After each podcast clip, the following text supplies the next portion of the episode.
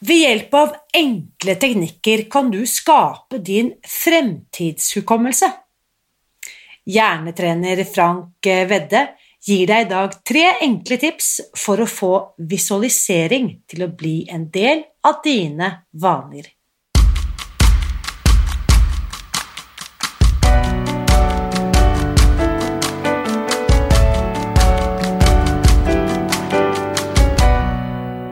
Mitt navn er Irina Li. Jeg er journalist og forlegger, gründer og sosialentreprenør. I 2015 spiste jeg meg fri fra overvekt og fedme etter å ha slitt med vekt, kropp og følelser i nesten 30 år. Etter at jeg fant oppskriften på å spise meg fri, ga jeg meg selv et nytt oppdrag å dele denne kunnskapen med alle som trenger det. I første sesong av denne podkasten deler jeg hele lydboken eh, Spis deg fri. Den finner du ved å bla deg tilbake til høsten 2019.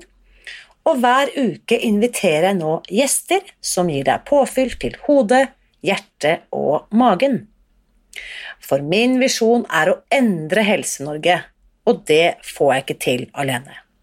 Du kan bidra ved å abonnere på podkasten, skrive en omtale i iTunes og dele denne episoden med noen du bryr deg om. Da setter vi i gang med ukens episode. Tro det eller ei, hjernen din klarer ikke å skille mellom fakta og fiksjon, mellom det som er fantasi og det som er virkelig. Det betyr at du kan få hjernen din til å spille på lag med deg, selv om du selv kanskje tenker eller tror at en oppgave er umulig.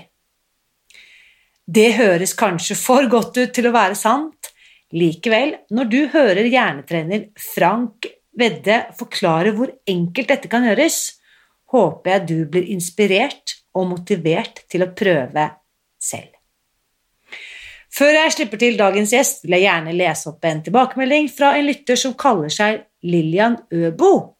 Hun skriver Denne podkasten har forandret mitt liv. Mindre stress og mindre vekt. 16 kilo på seks måneder. For meg er det ingen diett, men min nye livsstil. Takk, Rina, du har den beste radiostemmen, skriver Lillian, som også har gitt da denne eh, eh podkasten en vurdering og en omtale i iTunes. Så tusen takk, Lilian. Dette var fint å lese, og gratulerer med flotte resultater så langt. Da er vi klare for ukens episode. Hei, Frank. Så hyggelig at du ville være med på podkasten. Hei, Rina. Ja, i like måte. Hva gleder du deg over i dag? Vet du hva, Det jeg gleder meg over i dag, det er jo muligheten til å få snakke med deg, Frank, og pick your brain, som vi sier på godt norsk. Ja, det er jo litt det, da. Fordi um, det du velger å på en måte aktivere hjernen eller ikke, det blir på en måte litt av det som uh, preger uh, dagen. Og dette er det vi skal dykke ned i. At nettopp at vi kan velge det du er inne på her, at vi, at vi kan velge både tankene våre og hvordan vi vil samarbeide med hjernen vår. Og for de som ikke kjenner deg, eh, Frank, fortell litt grann, eh, eh, hvem er du, og hva driver du med egentlig? Ja, hvem er jeg? Det er noe jeg spør meg selv om hver morgen. Jeg står, hvem er denne mannen? I hvert fall i disse tider. Hvor skal jeg? Og så videre. Så jeg er da hjernetrener, daglig leder av digitale hjernegymmen Memolife. Hvor du lynraskt kan lære nye ferdigheter, kunnskap og vaner med morsomme hjernehacks. Altså små lyntriks som gjør at du nummer én, du får en bedre hverdag, bedre måloppnåelse på jobb eller hjemmebane Samtidig som du da, uten at du egentlig er klar over det, skaper nye forbindelser mellom de små og grå. Og fasiten til det hele er nettopp det som jeg sa sist her, morsom hjerneheks For hvis det ikke er gøy, så funker det sjeldent. Mm. Det er så gull at du sier, for det gjør det jo motiverende å trene på disse tingene. At jeg faktisk har det moro mens jeg holder på. Ja, det er klart. Jeg, jeg, sier ofte altså, spill hjernen topptrent i dag, men lynrask læring av ferdighetene for i morgen. For dette med spill, da, det må føles morsomt. Derfor spill er så avviksdannende også. For det, det, spiller seg inn på eh, belønningssystemet eh, i hjernen. eh, og skaper da nesten permanente motorveier. Eh, hvor det er såpass liten motstand. Hvis du først har skapt en bane rundt dette her, så havner du nesten automatisk i flow. Altså den tilstanden hvor, eh, hvor eh, ja, du, du, får skrudd av tidsfornemmelsen og, og mange andre ting. Altså, det blir rett og slett en sånn herlig eh, cocktail av flotte følelser. Og dette er ja, vi, vi, må jo bare Jeg kan jo si noen ord om vår relasjon. Vi to, vi, we go way back. Altså, vi to vi gikk jo på videregående sammen på Berg i midten av 90-tallet. Det gjorde vi, vet du. og hvem hadde trodd at vi 20 år senere skulle komme sammen igjen? Eh, og det var jo takket være vår felles kompis eh, Tommy Fjellheim, som jeg skrev en bok sammen med i 2013. Han har også vært gjest i denne podkasten, 'Tenk som en kriger'. Det er noen måneder siden. Jeg kan linke til den. Uh, finne linken til den. Fordi I forbindelse med hans bok som handlet om mental trening, da var du en av de ekspertene jeg intervjuet i hans bok. Ja. Uh, og så har vi holdt kontakten siden, Frank. Og det som jeg også da må si, er at da jeg begynte med Spis deg fri i 2015 og begynte å undervise dette til andre, det tror jeg også har vært den første gangen folk har fått en smak av dette med hjernetrening og hvordan vi mm. kan etablere nye automatiserte rutiner. Ja. Slik at f.eks. det å velge riktig rundt mat og måltider blir like automatisert som å pusse tennene. Ja. Fortell ja. hva er det som skjer oppi hodet når vi etablerer disse nye vanene? Ja, det, Alt er på en måte linket til hukommelse. Og så er det sikkert noen som sier hukommelse, hukommelse. Hva skal vi med hukommelse i dag? Du kan jo bare søke opp et på Google, så får du svarene der uansett. Men det finnes altså mange former for hukommelse. Eh, og dette med vaner, eller for mange uvaner, er også en form for hukommelse. Du har motorisk hukommelse, og så har forskjellig sanselig hukommelse også. Eh, og, og, dette aktiverer forskjellige områder i hjernen. Så, sånn som jeg tolker spørsmålet nå, eh, så er det kanskje mer om en litt, et litt ubevisst hukommelse i forhold til, til, vaner som du spør om, og hva er det som egentlig skal til for å trigge at hjernen da går til venstre istedenfor til høyre i visse settinger. Forstår jeg det riktig der, Ina? Yes. Ja. Eh, og det viktigste er egentlig å bli klar over dersom det er en eksisterende vane som du har lyst til å endre, så er det å bli klar over den ubevisste eh, triggeren som du egentlig har. Så la, la, oss se om vi kan ta noen eh, eh, eksempler. da. Kanskje vi kan prøve å finne et eller annet med tidsånden i forhold til korona og stress osv. Altså, det er mange mulige sliter med i dag. da. Um, det er helt ny tilværelse. Uh, fremtiden er usikker. Uh, nå er det en andre bølge som, uh, som er i ferd med å komme inn i store deler av verden. Mange er permitterte. De vet ikke når de skal tilbake. Noen har kanskje mistet jobben også. Og noen er rett bare møkka lei og har lyst på å agere ut. ikke sant? Så eh, alle våre sanseinntrykk i hverdagen, eh, bortsett fra lukt, blir behandlet via den såkalte reptilhjernen. Altså en, en sterk simplifisering av hjernen. Det er en enkel modell, la oss kalle det det først. Og den får ordre fra eh, amygdala i emosjonshjernen litt ovenfor og, og igangsette fight-flight. Så du kan godt si at reptilhjernen er en, en, en, en kjempedum dørvakt. Da. det er kanskje en, mindre begavet vaktmester som blitt oppgradert til å være din dørvakt i hverdagen. Og den, den dørvakten skal vurdere da ganske kompliserte ting. Eh, mens egentlig så den kun, eh, har den kun forutsetninger til å flykte fra løver og tigre. Men plutselig er den blitt satt til å kunne tolke da ja, altså, Eh, abstrakte begreper, eh, mellommenneskelige forhold, dype følelser, eh, tidsstyring, kreativitet og alt sammen. Så den har rett og slett blitt sagt i oppgaver som den ikke har forutsetning for å kunne løse i det hele tatt. Ikke sant? Og, og, i dag så styres vi såpass mye av, av digitale duppeditter, såpass mange eh, digitale notifikasjoner som forstyrrelser, slik at den er hele tiden på vakt. For den blir helt tiden aktivert. Hva med den her? Er den meldingen her en trussel?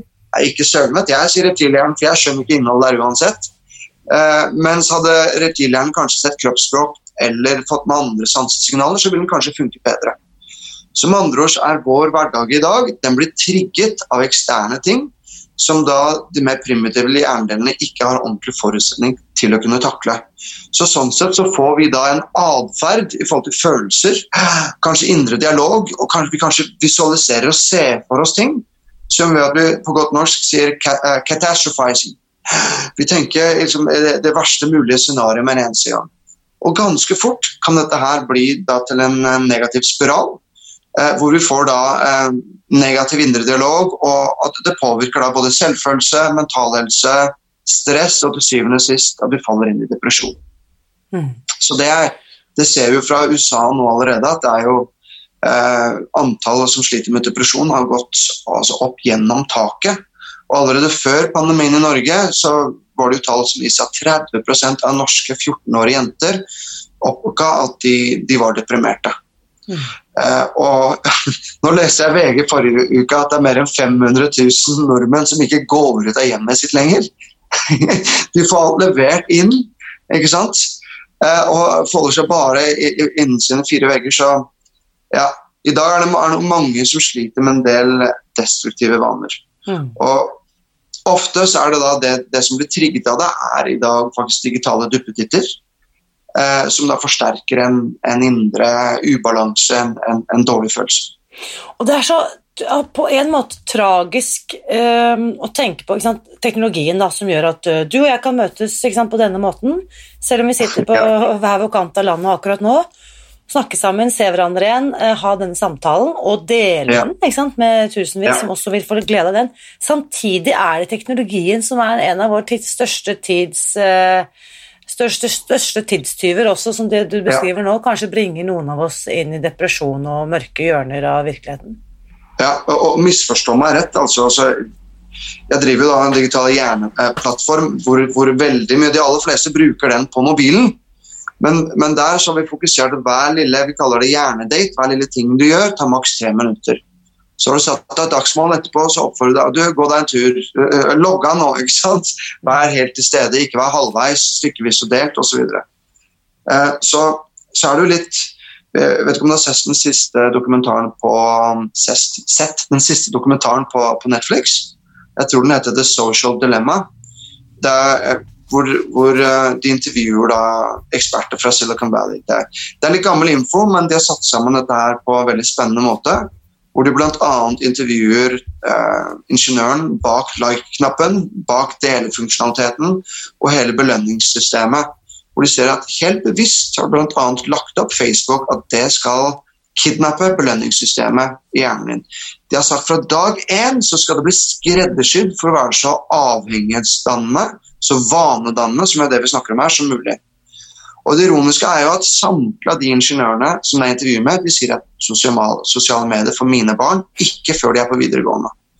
Eh, når det gjelder skjermtid, maks en time om dagen. ikke sant? Og mye kontroll i forhold til nøyaktig hvilke apper og programmer de får lov til å bruke. For plutselig så har dette kidnappet systemer i hjernen din som det er utrolig vanskelig å komme ut av.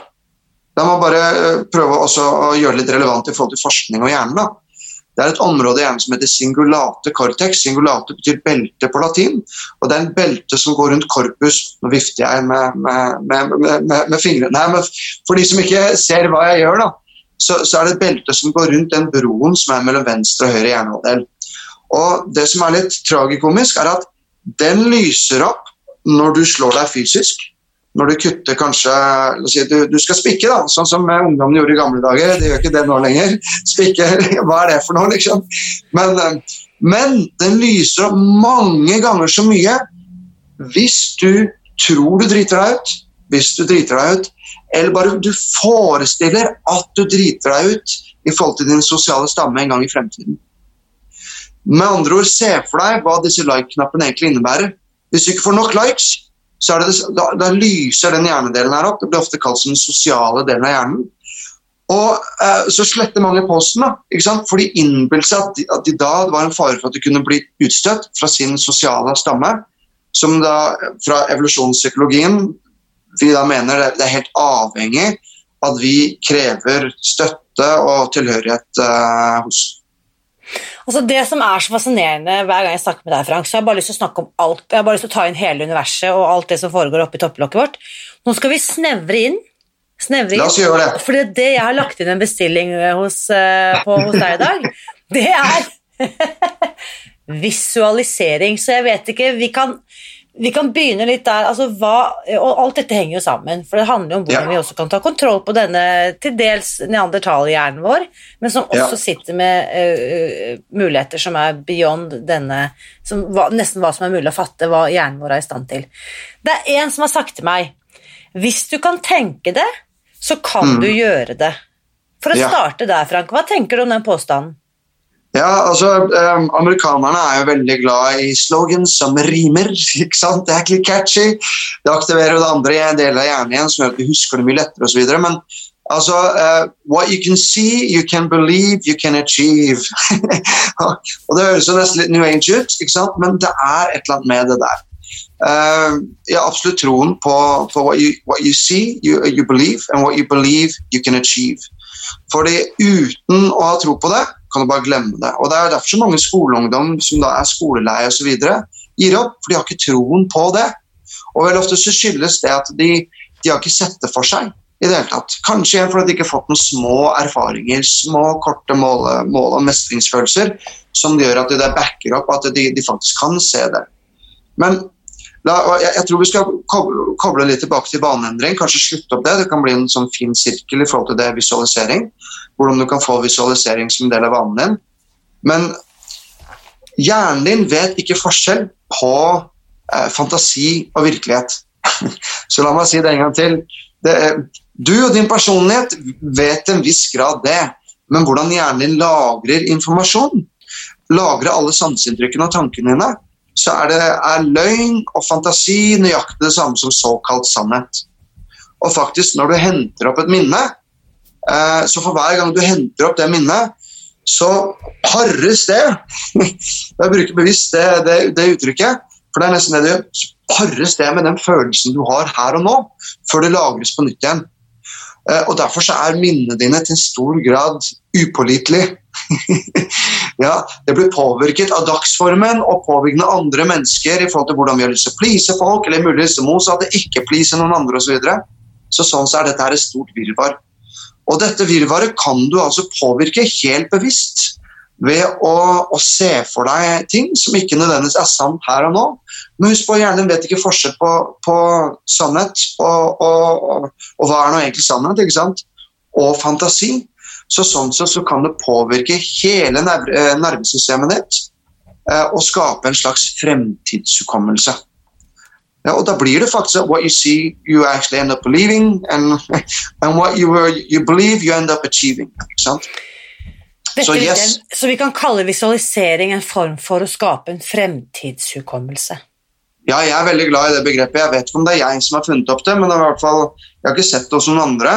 Jeg har aldri hørt om det før, så dette har vi nå kreditert til deg, Frank. Fremtidshukommelse. Så, så jeg kaller det fremtidshukommelse. For du, du måtte allerede ved å visualisere, så husker du din fremtid. Og det føles jo nesten litt godt allerede, gjør det ikke det? Jeg digger det. Ja, eh, og det er rett og slett bare det ordet i seg selv er nesten en magisk visualisering. For når du sier fremtidshukommelse, så trigger det nesten til skal, at Hva i all verden? Fremtid? Så klarer jeg ikke huske fremtiden. Men så plutselig så har du gitt folk to pluss to fremfor å ha gitt dem fire. Eh, og da aktiverer du den høyre delen av menneskehjernen som elsker storytelling. Og det er storytelling som gjør visualisering så magisk. For via disse visualiseringene så får du plutselig den Eureka! Aha! Du har sett for deg et eller annet, og når du får Eureka aha, så trigger det følelser. Og uten følelser så har du heller ikke hukommelse. Du husker nesten utelukkende det som trigger en følelse. Så fremtidshukommelse vil i de aller fleste tilfeller være en, en eh, dual, altså en dualisert, en todelt fremtidshukommelse. Nummer én, veldig viktig å få med. De fleste tenker ja, vi skal bare se for oss så fine og flotte ting. Nei, grow the fuck up. Altså, verden er ikke sånn, ikke sant? Det er alltid altså, Følelsene dine de, de, de går vekk fra smerte. Og Noen ganger så er, de, altså de, de følelsene som du går vekk fra, kanskje de er, de er falske. Da må vi muligens se om vi skal omprogrammere de også.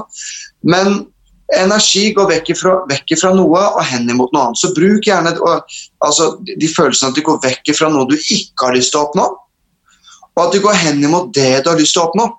Så bruk gjerne de, de, de litt ubehagelige tingene, at det nesten blir en sånn gratis eh, eh, fartsmotor. da. hendene mot nøyaktig det, det du vil oppnå. Mange havner et eller annet sted midt mellom fight flight, som er freeze, nesten apati. Og det er akkurat der mange kan være i dag. Et eller annet sted midt mellom den nye normalen. Du, du klemmer ikke folk, går på avstand, alle fremmede er mulige fiender. Er du smittet, eller er du ikke smittet? ikke sant? Og du, du gjemmer deg inn i hulen din. Freeze. Vi må komme oss ut av det og skape nye, trygge og inspirerende valg. Så ta med fight og, og, og få med flight, men ikke end opp i freeze. Det jeg opplever med mange av de jeg veileder i forhold til dette, de som ønsker å gjøre endringer i forhold til vekt og kropp og kosthold, Ja. det er at de kan beskrive veldig godt hva de vil vekk ifra. Jeg vil vekk Ja. ifra ubehag, eller at ikke klærne passer Ja. lenger, at jeg er dårlig eller har masse Ja, ja, ja, kostholdsrelaterte ja. helseplager. Men det jeg ofte må utfordre dem på, er hva er det de vil hen imot? Ja. At de har en veldig klar forestilling om hva de ønsker å Mm. flykte fra, men ikke en like klar bestilling på hva de ønsker å komme til. Kan Mm. du si noe om verdien av det å visualisere måloppnåelsen, Frank? Ja, eh, det kan jeg gjøre. Og så, så vil jeg først um, eh, nesten, Jeg vil nesten begynne litt baklengs. Uh, fordi det er nok mange som sier ja, ok, det høres greit og fint ut uh, foreløpig. Men, men hvor er vitenskapen? Hvor er belegget? Så man bare droppe det litt først. Og si at dette er ikke noe som, som vi bare har empirisk fra topp idrettsutøvere eller topp mennesker innen business eller fra din verden, hvor folk da har spist seg fri eh, eller trent seg fri ikke sant, og så virkelig kommet inn i det. Nei, her finnes det massevis av studier. For så en studie som kanskje er en av de mest kjente, som ble gjort fra basketballverden og fra, fra toppidrettsutøvernes verden i USA, selvfølgelig. Hvor det var noen da utøvere som eh, ble satt da, jeg tror ca. en tre ukers tid. De ble satt til rett og slett bare eh, å visualisere eh, det at du skulle skyte inn i, eh, inn i kurven. da. Eh, Kall det sammenligningen fra de som åpner fotball. Eh, straffe, straffekonk, nesten. ikke sant? De så for seg det 20 minutter hver dag. Mens de andre de holdt på med det hver dag. Og overraskende nok så var forbedringen for de som da holdt på å skyte, men, eh, altså kurv, eh, 20 minutter hver dag, den var på 24% Men de som visualiserte, så hadde de faktisk, og ikke gjorde det fysisk, så hadde de en forbedring på 23% Altså med statistisk feil, feilmargin så var det helt likt. Men selvfølgelig, de som ikke gjorde noe, da hadde ingen forbedring. da. Ikke sant? Så rent fysisk så har dette en endring. I forhold til styrke så er det også mye som ble gjort der, også over en viss periode. eh, hvor da de som faktisk fysisk trente med et program som var designet i forhold til å få eh, vesentlig bedre styrke. Nå er jeg ikke sikker på om det var maksimal styrke eller utdannet styrke, det var bare styrke. Eh, men de hadde faktisk da, altså, økt muskelmassen i forhold til det området hvor de trente styrke, med 30% de som, ikke nei, de som ikke visualiserte, de trente. Mens de som da kun visualiserte, hadde nesten fått halvparten av økning i muskelmasse. Altså et eller annet sted mellom 13 og 14 Kun ved visualisering. Så dette er ikke bare en endring av fysiologien i hjernen din, men det endrer også fysiologien i resten av kroppen. Altså Tenk deg fri, muligens være neste bokprosjekt du, du, du, du har der, ikke sant? Eh, For dette har fysiologiske endringer. Så eh, dette er på en måte udiskutabelt allerede. Jeg husker også Da jeg tok yogalærerutdanningen, så husker jeg vi, vi fikk en oppgave sant, der vi skal liksom se for oss at vi puster ned til hånden vår. da, Pustet Ja. inn i din høyre hånd. Og Da har det blitt gjort studier der man har festet på sånne elektroder der man kan måle temperatur og blodgjennomstrømning. Ja, Og når man sitter og konsentrerer seg og puster inn, eller ser for seg at blodet strømmer, Mm. blod og varme strømmer ned i din høyre hånd, så Mm. er det målbart med, med måleinstrumenter, temperaturmåler og blodpulsmåler og sånne ting. Kun ved hjelp av tankens kraft. ja. Så dette er jo her nå hvor på en måte wishy-wishy-alternativbevegelsen og naturvitenskapen uh, tar hverandre igjen, da, hvor vi møtes. Ja, de, de gir hverandre en klem, kanskje en svett klem fra vitenskapens side, da, men eh, det er noe en klem allikevel, hvis vi skal bruke det begrepet. Og Det er litt spennende, vi nevnte jo reptilhjernen i sted. da. Eh, Reptilhjernen er jo eh, Det begynner på R, som er ansvarlig for respirasjon i tillegg. Men når den er på, så er det som regel Pulsen går sånn, ikke sant. Du er anspent, du har skylokket på øynene, du har tørr munn. ikke sant. Eh, Vidt altså, er oppsperrede øyne, ikke sant? ja, ikke sant? Altså, ve- ve- veldig, veldig intens, da. Mens når du respirerer med mage, eller tar bare seks dype pust, så sender du da signaler via nervesystemet ikke sant? Til reptilhjernen. at det, det, Du hacker rett og slett reptilhjernen bare ved å bevisst puste seks-syv ganger dypt inn og ut. Så sender du da signaler. Å, ok, nå, nå puster jo Frank og Irina, de puster jo dypt. Å, ok, Da kan jeg kanskje gå og slappe av. Da. Det er ikke vits å passe på den døra her, da, sier den dumme reptilhjernen. ikke sant?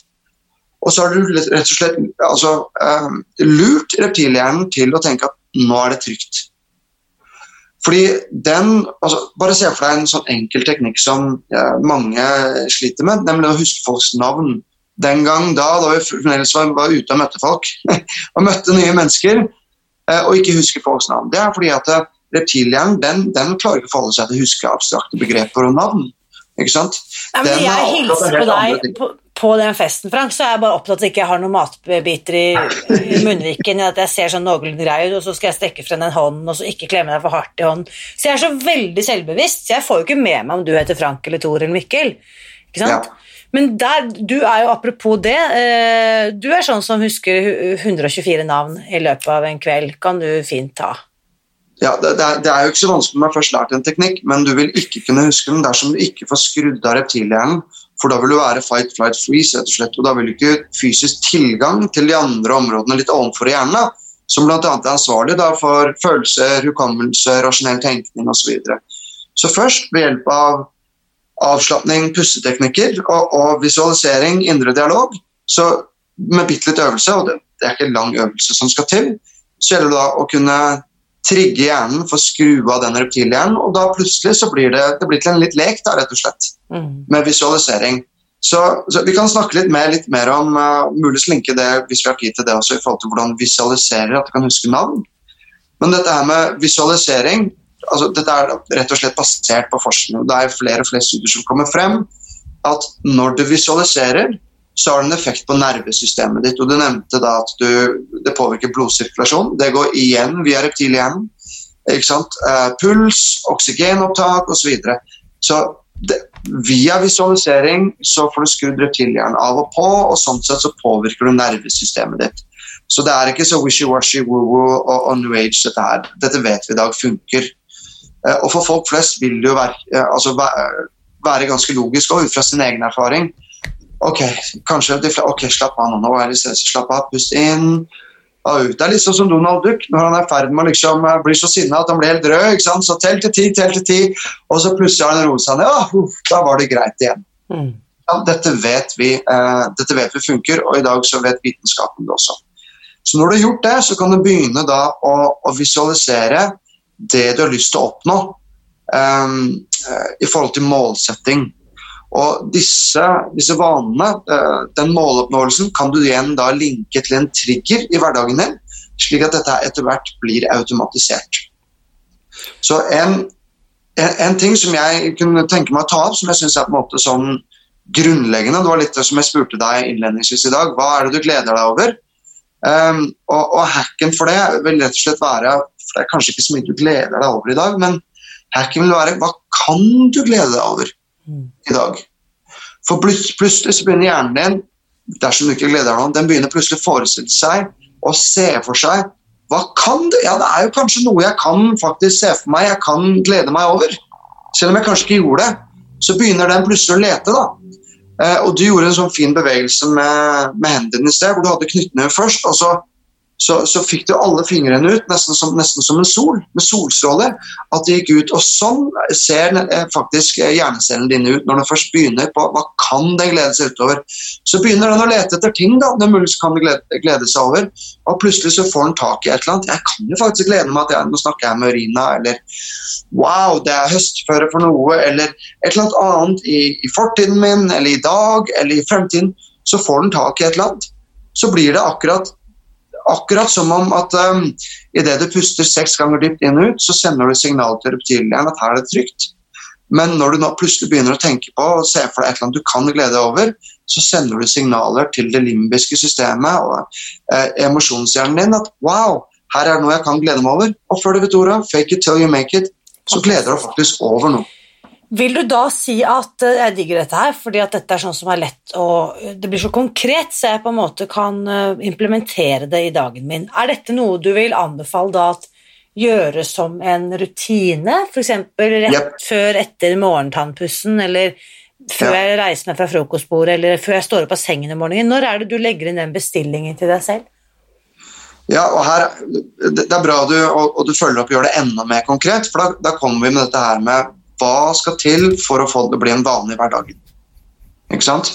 Um, og vi utvikler nå faktisk en egen app for dette, en webapp og, og en vanlig app i, i Memlife som vi kaller for mentalhygiene. Uh, og dette her med daglig glede, det er det første du gjør da. Um, og det er, folk er litt forskjellige, um, men som regel så anbefaler jeg det um, å, å, å koble det opp mot en såkalt trigger. Se for deg en, en mer vennlig pistol, da, eller en utløser, hvis det hvis noen ikke liker det, det triggerordet, at du blir trigget. Uh, men jeg, det pleier som regel å funke med én av tre. Så, men la meg spørre deg selv litt retorisk spørsmål her. Når var det du sist, rett før altså føttene dine de landet på soveromsgulvet, så tenkte du at 'yes, i dag er dagen'? ikke sant? Yes! Kan knapt vente med at den er i gang. Og for de aller fleste så vil det være en stund tilbake, kanskje helt tilbake da de var små. Fordi det var jo da hjernen var programmert til å hele tiden lete etter leker og følelser av det gøy. Ikke sant? Sånn som de som har kanskje har små barn hjemme nå, og sier nei, kjedelig, vil ikke, nei, det er kjedelig. Hvis det er noe så gøy, så er de flå med en eneste gang. Det er det hjernen er programmert til å gjøre. Det er de følelsene den er programmert til å forsterke. Ikke sant? Mens etter hvert, når vi begynte på skolen, og kanskje jobb etter hvert, så har eh, hjernen etter hvert fått ett mantra, en oppgave, nemlig å løse problemer. Og å løse problemer det gir oss kanskje en viss tilfredsstillelse når vi først har gjort det, men det gir oss sjelden den store gleden. Når det blir for mange problemer som er på agendaen, og du ikke nødvendigvis har løsning til alle de problemene, så blir det at du kanskje rygger deg gjennom hverdagen fremfor det ordentlig ta tak i det. Og så plutselig, og særlig fordi at vi på skolen ikke har lært oss kreativ problemløsning, da, eller teknikker for ordentlig problemløsning på jobben, og innboksen din ser ut som liksom never-ending mareritt, ikke sant? Åh, da tyr det plutselig til spising, eller til uh, sofagrising, eller til, til andre ting. Da, at det er liksom kanskje en sixpack i, i, i hverdagen istedenfor på, på helger osv. Til disse dårlige vanene. fordi at du har liksom ikke noen ordentlig løsning på hvordan du skal løse problemene. Så nå viser ny forskning i forhold til lykke at dersom du først har fokus på lykke, slik som den, den lille hacken, hva kan du glede deg over, fremfor at hva gleder deg over? For du gleder deg kanskje ikke over noe. Du må faktisk trene opp hjernen, lure den da, ved hjelp av visualiseringer til at den faktisk gleder seg over noe. Når du først har fokus på det, så øker du faktisk produktiviteten din med mer enn 30% og du øker også de som er innen salg og business, ikke at det bare skal være sånn wishy-washy woo så øker du også salget på tvers av bransjer med mer enn 30% Så det første rådet jeg vil gi til deg, dersom du har lyst til å bruke og få det til å bli en vanlig i hverdagen, så bruk faktisk eh, soveromsgulvet idet du faktisk lander eh, med føttene. Du setter deg ut der, for da begynner faktisk dagen. ikke sant? Da ser du det ordentlig for deg. Bli sittende der bitte litt og ta det som liksom en godt øyeblikk med deg selv. Ikke sant? Og det du har funnet visualiseringen, så kan du godt ta det med deg det du da faktisk går. Og det de fleste kanskje vil gjøre deretter, noen vil kanskje sette på kaffen, andre vil gå rett og pusse tenner. Eh, Og jeg skal gi deg en oppfølging, en trigger for begge de to handlingene. Så hvis du, hvis du nå eh, går og setter kaffen, så er det flott. Da skal du hvert øyeblikk bruke kaffen eh, eh, til noe. Men hvis du da faktisk går og pusser tennene først, så se for deg hva slags ansiktsbevegelse gjør faktisk munnen din idet du pusser tenner. Det er faktisk fake smil, er det ikke det? Ikke sant? Så Da kan du faktisk altså bruke det fake smilet til å faktisk enda mer se for deg den daglige gleden, det du faktisk gleder deg over. Og Hvis du allerede har funnet én daglig glede som du hadde på sengekanten, så kanskje du kan finne opp én til da, i det du, det du pusser det. Hvis du nå sliter med det, så vil jeg gi deg følgende tips. Bytt hånd og puss tenner med den motsatte hånden. Ikke bare stimulerer det eh, hjernen din på en helt annen måte, det gjør at den også skaper nye forminnelser, og fremfor alt litt morsomt. Så gjør det kanskje faktisk vel begynne å le litt der automatisk. Så dette kaller jeg derfor stabling av vaner. Det ene oppå det andre, ikke sant. Så funker det ikke med første, så funker det kanskje med neste. Og siste er jo det at når du da tar kaffekoppen, så viser jeg studiet Hvis du f.eks. er i salgsmøte, eh, og du blir servert noe varmt å drikke eller noe kaldt å drikke, så øker altså, sannsynligheten for at du blir godt likt når det blir servert noe varmt å drikke, gå gjennom taket. Altså Det øker drastisk bare du får noe varmt å drikke. Du får det taktile der, det varme, det er på en måte signaliserende trygghet. Så når du drikker den kaffen, og du, du ser for deg at du holder rundt den kaffekoppen oh, 'Nå er jeg i ferd med å våkne her, morgentrinnet og ene og det andre', ikke sant? uavhengig av å pusse tenner eller ikke, så gir jo den varme følelsen deg en eller annen glede allerede. Så det er på en måte den tredje triggeren du da kan bruke. Da har du da tre muligheter i, begynnelsen av morgenøkten din, for å si det sånn, hvor du kan leke med tanken 'hva kan du glede deg over'? Og så kan du kanskje, hvis du er, hvis du er en del av familien, spørre seg ja, Smån eller nå frøkna eller ja, nå gubben, liksom, hva, hva, hva, kan du glede deg over i dag? Huttetu, det er jo kaldt ute nå, men hva kan, hva, kan, vi glede oss over i dag, da? Så få den sosiale delen av hjernen med også. For vet du hva, når jeg, jeg, har brukt disse øvelsene her ute med, med, store selskaper som vi jobber med, hvor vi driver med lykketrening og kreativitets- og produktivitetstrening for at de skal få bedre vaner, den hacken, det lyntrikset, morsomme lyntrikset som funker best hos både ledelse og de som er på gulvet, og de som jobber da med fag, de som jobber med kunde og alt sammen, vet du hva? Det er faktisk å lese andre teammedlemmers glede. Ingenting slår faktisk det. For det lyser opp den delen av hjernen som jeg nevnte i sted. Det, der, det beltet som går rundt den, altså den sosiale hjernen. Og da begynner plutselig andre å tenke ja, men han eller hun gleder seg over det, jeg kan jo glede meg over jeg òg. Og så plutselig så får du lyst til å dele noe av det også. Det så... så... vi er sammensveisa, om vi vil eller ikke. Ja, men Det er så fantastisk at du sier nettopp dette, Frank. fordi at uh, glede og takknemlighet det er rett og slett det som dobles når vi deler det. En av de tingene som faktisk dobles når vi deler det. Så det er ikke noe grunn til å sitte og gnure på disse tingene sjøl. Det er bare å dele det ut, og så Oi, så kult! Frank minnet meg på at jeg faktisk kan glede meg over det varme jeg skal drikke i dag. Ja, det kan jeg faktisk glede meg til, ikke sant? Eller at uh, jeg minner deg på at uh, solen skinner, i hvert fall her hvor jeg er. ja. ja. Jeg kan glede meg over at uh, vi bor i et land der det er tillatt å gå ut, at det er lov å komme seg ut i frisk luft, og at vi ikke er i karantene. Altså, hva enn det måtte være, ikke sant? Ja. Og jeg vil nesten si også, for nå har du gitt meg tre hacks hvor jeg kan tappe inn til gleden og visualisering av mm. denne gleden før mm. det har gått en halvtime av dagen min. Hva med å skrive det ned, Frank? Hvor er du på den? Jeg er veldig tilhenger av eh, ikke sant? Bare nå i løpet av denne lille Jeg håper alle ja, gjør som meg. Jeg, not, jeg, har notert meg nå to sider av den samtalen hittil. Jeg håper alle gjør det samme, de som hører dette. Eh, hvordan er du på skriving? Ja, um, jeg er vel i hvert fall sånn at uh, Håndskriften min er på det nivået at hvis noen andre skulle lese den etterpå, så ville jeg slite. Men for meg personlig så funker det jo. da. Studiet viser at uh, for svært mange uh, så ville den, altså den, taktile følelsen, det at du skriver det ned, um, vil ha en enda større forsterkning. Og Hvis du ser hva som skjer med hjernen, bare du da skriver det ned, så aktiverer du også en helt annen del av hjernen. Nummer én så har det med motorikk å gjøre. Eh, eh, og du har også med eh, altså, det forsterker den, de taktile delene, delene av hjernen. som Hvis du ser i forhold til det her med vaneendring, så aktiverer det mye, altså store deler av den reptilhjernen, bl.a. hjernestammen og cerebellum. Så rett og slett ved å skrive det ned, så, så, har du ikke bare de taktile delene, men det trigger også områder i hjernen som er altså ansvarlig for vaneendring. Så jeg er fan av det. Så, jeg, så jeg vil jeg nesten gi meg selv litt sånn kritisk spørsmål her, hvis ikke du vil ta kritisk spørsmål først, uh, Irina? Kjør på. For i dag så er vi alle på apper av en og den andre. ikke sant? Så, så, hvordan er det med det, da? Jo, jeg mener at her også, dersom du gjør noe, du trykker med noe f.eks. på telefonen din, og gjør forskjellige ting der også, f.eks. i den, den Metallhygiene-appen som vi utvikler nå, der gjør vi det sånn at uh, du, du, tar et bilde av deg selv eller et eller annet du gleder deg over, eller at du finner frem til det med sånn kunstig gjensøk på internett. Og så, så, skriver du da ned etterpå slik at bild, altså, gleden din blir sett som et sånn slags polaroidbilde. Ikke sant? Og da, da, får du en vibrasjon på telefonen osv. Så, videre. så det at du får et eller annet taktilt, tror jeg det absolutt er det viktigste. Ikke nødvendigvis at du skriver det ned, for det trigger de samme områdene i hjernen. Yes. Da vil jeg bare si at de som har hatt eh, de som får noe ut av denne samtalen, ta en screenshot med mobilen når du hører dette på podkasten din.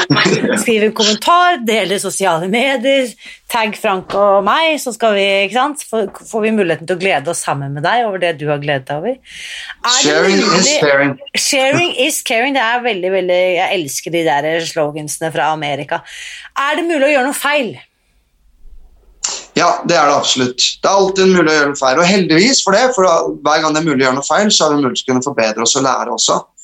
Og feilen når det gjelder visualisering generelt, så har vi tatt ett eksempel da, i forhold til det å visualisere og trene hjernen eh, til å bli litt flinkere til å se hverdagen med et halvfullt glass, halvfullt glass fremfor at den skal være halvtomt. Eh, hvis du kun har fokus på eh, å visualisere hva du ikke skal gjøre, eller hvis du kun har fokus på å visualisere det du skal gjøre Jeg er av den skolen at du bør visualisere begge deler. Uh, vet Du hva, vi trenger litt tough love. Det er sånn som i forhold til ungene våre. De kan ikke bli alt de vil. Du kan gjøre alt du vil her i verden. Nei, du kan ikke gjøre alt du vil her i verden. Uh, selv om vi kan godt si at ja, vi har tilnærmet ubegrensede muligheter, det har vi jo, men for de aller fleste så er ikke det realistisk. Og det er en recipe for disaster å innbille ungdommen at de kan gjøre alt mulig. Nei, men step by step, med altså små altså Si litt på norsk-engelsk incremental, delvise steg, så kan du etter hvert trene opp hjernen din til å få såpass veksttankesett at vet du hva, til syvende og sist så kan du oppnå de mest utrolige ting. Men det å begynne da, med å visualisere at du kan oppnå alt mulig Det er litt sånn som What you can see, you can believe. Men for at, altså, skal du achieve noe, så må du ha tro på det også. Mm. Så visualiserer du noen ting som er langt utenfor ditt verdisett, eller noe du tror er realistisk, ikke matcher med din selvfølelse, så vil det ikke den visualiseringen være ekte. Liksom, du må begynne i små steg. Da liker jeg det du sier med incremental steps, altså delvise trinn, ja. fordi at eh, jeg visualiserer og har jo vyer og visjoner og tanker og ambisjoner for min fremtid, min ja. fremtidshukommelse, på et helt ja. annet nivå enn det jeg hadde for bare for noen få år siden. Fordi ja. jeg har allerede møtt meg selv i min nåværende fremtid, ikke sant? Mm. altså min nåværende mm. nåtid. Mm. Hvor jeg på en måte allerede bevist at det uh, umulige er mulig. Og da, kan jeg jo, da har jeg jo på en måte fått liksom pondusen og selvtilliten til å tørre å tro at større ting er mulig. Jeg må bare, Frank, for dette er uh, ren og skjær nysgjerrighet, og jeg kan ikke la sjansen gå fra meg, kan du ta oss da gjennom denne lille navne... For, for, de av oss som lider av navneafasi og klarer ikke å forme oss, ikke sant? hvordan kan vi koble dette sammen? Og nå sier du, altså, Det er faktisk noen som lider av ant antafasi, som er et symptom som ja, hver person av cirka, hver, hver 62. eller hver 63. person har. Og de sliter veldig med å visualisere generelt sett. Så, så for dem så vil jeg bare utvide bitte litt. Så, så kan jo da en visualisering være at du visualiserer med de andre sansene. Nemlig at du føler tilstanden som du har lyst til å oppnå. Du, du, leker med følelsen, du kjenner den i deg. Det er taktilt. ikke sant? Eller at det kanskje lukter. Det lukter som mammas eplekake når du kommer hjem. Eller, ikke sant? eller å, det, det, smaker godt. Det, det, er, det, er, det, er, lukten av seier, eller smaken av eh, et eller annet av kjærlighet. Eller ja, hva det nå skal være. Bruk de andre sansene. ikke sant? Eh, så, men i forhold til eh, visualiseringsteknikken for å huske navn, så er du faktisk avhengig av å visualisere. Det er litt dårlig nytt dersom du lider av antafasi. Så hvis du ser for meg, da, for eksempel, eh, så er navnet mitt Frank. Og reptilhjernen din den har ikke evne til å kunne huske abstrakte ting i det hele tatt. Den trenger å kunne få med seg bilder for at å kunne sende de bildene opp til altså emosjonshjernen, som ligger høyere opp, og særlig hippocampus, som ligger en del av den temporale loben. Og det som er helt avgjørende da, at for alt mulig abstrakte ting. Vi skal huske hverdagen vår, særlig fra teoretiske ting, da, men også fra, fra, praktiske ting. Så trenger vi å omdanne det vi skal huske, til et bilde. Og så etter hvert så kobler vi disse bildene i, i, til en liten historie, og så lagrer vi dem et eller annet sted. Uh, og På Memolife så har vi da lagd et mastersystem for dette. Kall det gjerne et slags alfabet for hukommelse. eh, som du kan bruke om og om og om igjen til om, så godt som alt mulig du vil. da. Så vi kan godt gi alle følgerne dine en kupong til Memolife, så kan de teste ut Memolife gratis eh, over en lengre periode. Det er Ja, gøy. det kan du legge- det, det hadde vært Ja. Da kan Ja, de lære så- mer. Mm. Da kan, du, da kan du lære mer. Så, men eh, tilbake til navne, navneteknikken. Så Det første jeg gjør her nå, er å omdanne navnet Frank til et bilde. Og Frank rimer på bank, så et godt bilde på bank kan jo være en boksehanske. Eh, Dersom du følger med på, på videoen nå, så vrir jeg meg til siden. Og så trykker jeg på nesa mi, da vil de fleste se at wow, den blir veldig flat. For jeg har drevet mye med boksing og kickboksing mine yngre dager, og det er ikke så mye brusk som er igjen da. Så heldigvis er det to områder i hjernen som da, faktisk klarer å skape og føde nye hjerneceller også. Og det er da blant, blant annet i hippocampus, som da er ansvarlig for hukommelse. Så selv om jeg antakeligvis mistet noen på, via kampsporten i gamle dager, så har jeg klart å føde noen nye siden. Da. Så det vi da rett og slett gjør, er at jeg bruker nesa mi, som ser litt eh, knekt ut, og så henger jeg da en boksehanske, eller erstatter nesa mi med en boksehanske. Så mange, i hvert fall mannfolk eller gutter, så vil si at eh, ja, altså, det er umulig å ikke kjenne deg, Frank, for du har knekt nesa. Det er mange som sier det med en gang, mens kanskje for kvinner så vil ikke nødvendigvis ha den assosiasjonen. Men ta, du rett og slett tar tak i det som er unikt med ansiktet på den personen du møter, eh, og så tar du rett og slett og så kobler om det, det navnet til et bilde, og så plasserer du det bildet inne i det stedet som er mest unikt med ansiktet, og lager deg en morsom historie der. Du lager rett og slett en morsom karikaturtegning hver gang du møter noen. Fantastisk. Og, og litt av det som er, er, er clouet her, er jo mange at ja, hvordan i all verden skal jeg kunne gjøre det, da? Nei, så da har vi lagd et spill på Memolife hvor du kan spille deg gjennom tusenvis av mennesker, og du får tips på forskjellige bilder du kan bruke, slik at du step by step kan trene opp hjernen til at det blir en vane. For du kan ikke hoppe rett ut og møte masse mennesker og gjøre det med en gang. fordi husk på at når du fremdeles møter nye mennesker, så er det jo reptilhjernen din som er sjefen. Og reptilhjernen min den tenker først om Irina skal drite meg ut foran alle følgerne hennes og spørre meg om ting jeg ikke kan. Ikke sant? Eh, Istedenfor om eh, eh, Irina er snill og skal få meg til å fremstå som noenlunde grei. Da. ikke sant? Det er reptilhjernen. Men når reptilhjernen først føler seg nå igjen trygg på Irina, så går den bare og legger seg. Og når vi da møter nye mennesker, så er det viktigste at via pust, via kroppsspråk, via fake, et smil, fake it till you make it. Kanskje vi appåtil Hva var det du het igjen? Irina? Det var et uvanlig navn. Kristina? Skriver du det med CH eller med K? Eller Oi, så spennende navn. Hvor kommer det fra? Litt sånn altså Fake it till you make it der også. Gi andre anerkjennelse, slik at deres reptilhjerne blir skrudd av. Folk vil gjerne bli anerkjent fremfor at du, du bare hilser på hilser. Ja, nå hilst på alle sammen, nå har jeg glemt alle, navnene uansett. Pust litt ekstra, kikk folk inn i øynene, smil, vis dem. Altså Bruk et par sekunder ekstra. Og idet du gjør det, vil de føle seg trygge. Du vil bli en person som de faktisk vil ønske å huske. Ikke sant? Mm. Og du kan få feedback. Jeg husker faktisk at Irene, du hadde såpass tilstedeværelse. Jeg møtte deg sist. Det var bare et eller annet som gjorde at jeg ja, det, det, vi, vi, vi var på samme bølgelengde på en annen måte. Og det lille øyeblikket eh, kan du da rett og slett bruke til å lage karikaturtegning. Fantastisk. Dette er så Det som jeg digger, Frank, er at det er håndfast, det er, og ikke minst motiverende. Jeg sitter og smiler mens jeg hører deg fortelle. For jeg er klar nå for å gå ut i verden med boksehanskene på, skape nye karikaturer, og ikke minst underholde meg selv as, altså mens jeg holder på. Så det er jo kjempe, kjempe Vinn, vinn, vinn. Supert.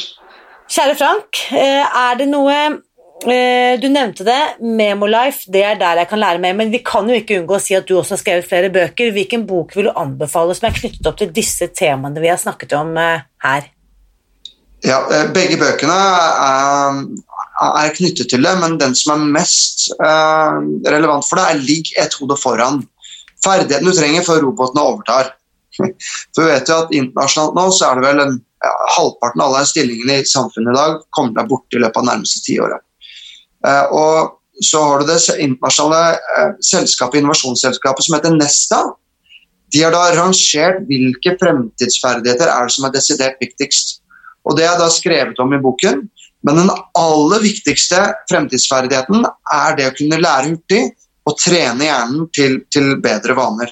Og Grunnlag for det er jo det vi har snakket om i dag. Så Visualisering og hukommelse og vaneendring er en rød tråd gjennom den boken. Yes. Så ja, sjekk den gjerne ut. Takk for det, Frank. Jeg digger at eh, du kan hjelpe flere av oss til å ligge ett hode foran. Tusen takk for Og, det, og det er også, om du har lyst på gratis stillinger til Memolife, så er ligg et hode foran, også gratiskupongen som da utløser da et gratisabonnement hos Memlife. Så sjekk ut der. vi, den skal jeg dele i Facebook-gruppen vår, så alle som hører på dette og har lyst på den, kan gå inn der, og så skal vi dele den kupongen. Tusen hjertelig, Frank. Superreis. Tusen takk skal du ha, Irina. Ok, jeg er fan, så, så keep it up. Takk skal du ha.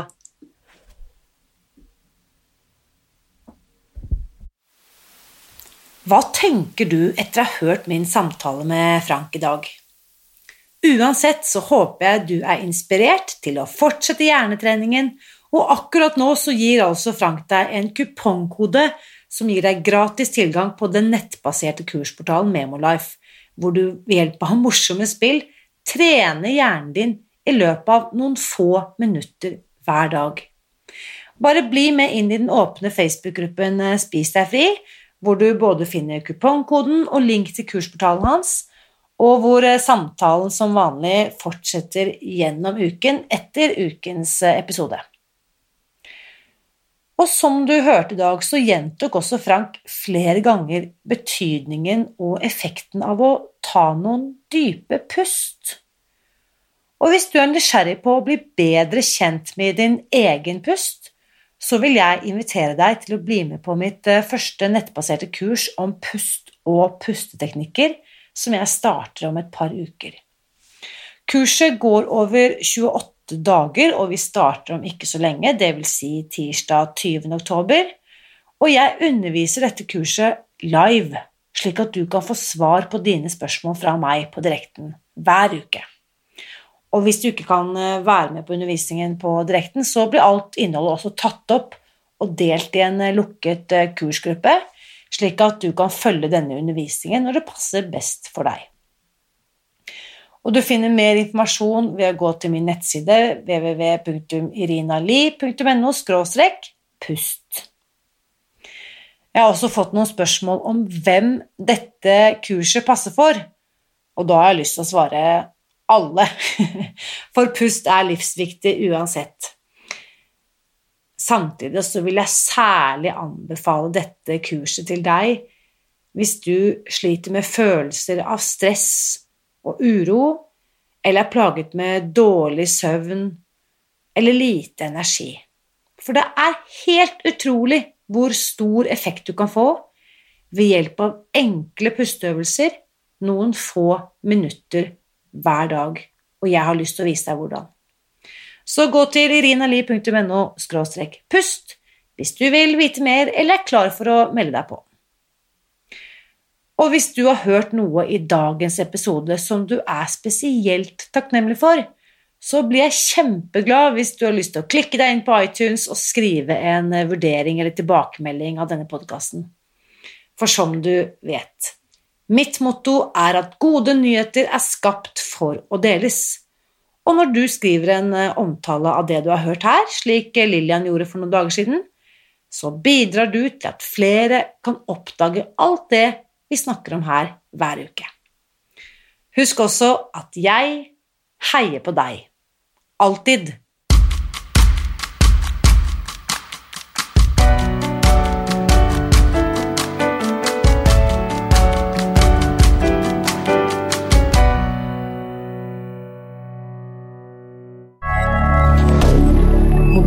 Media.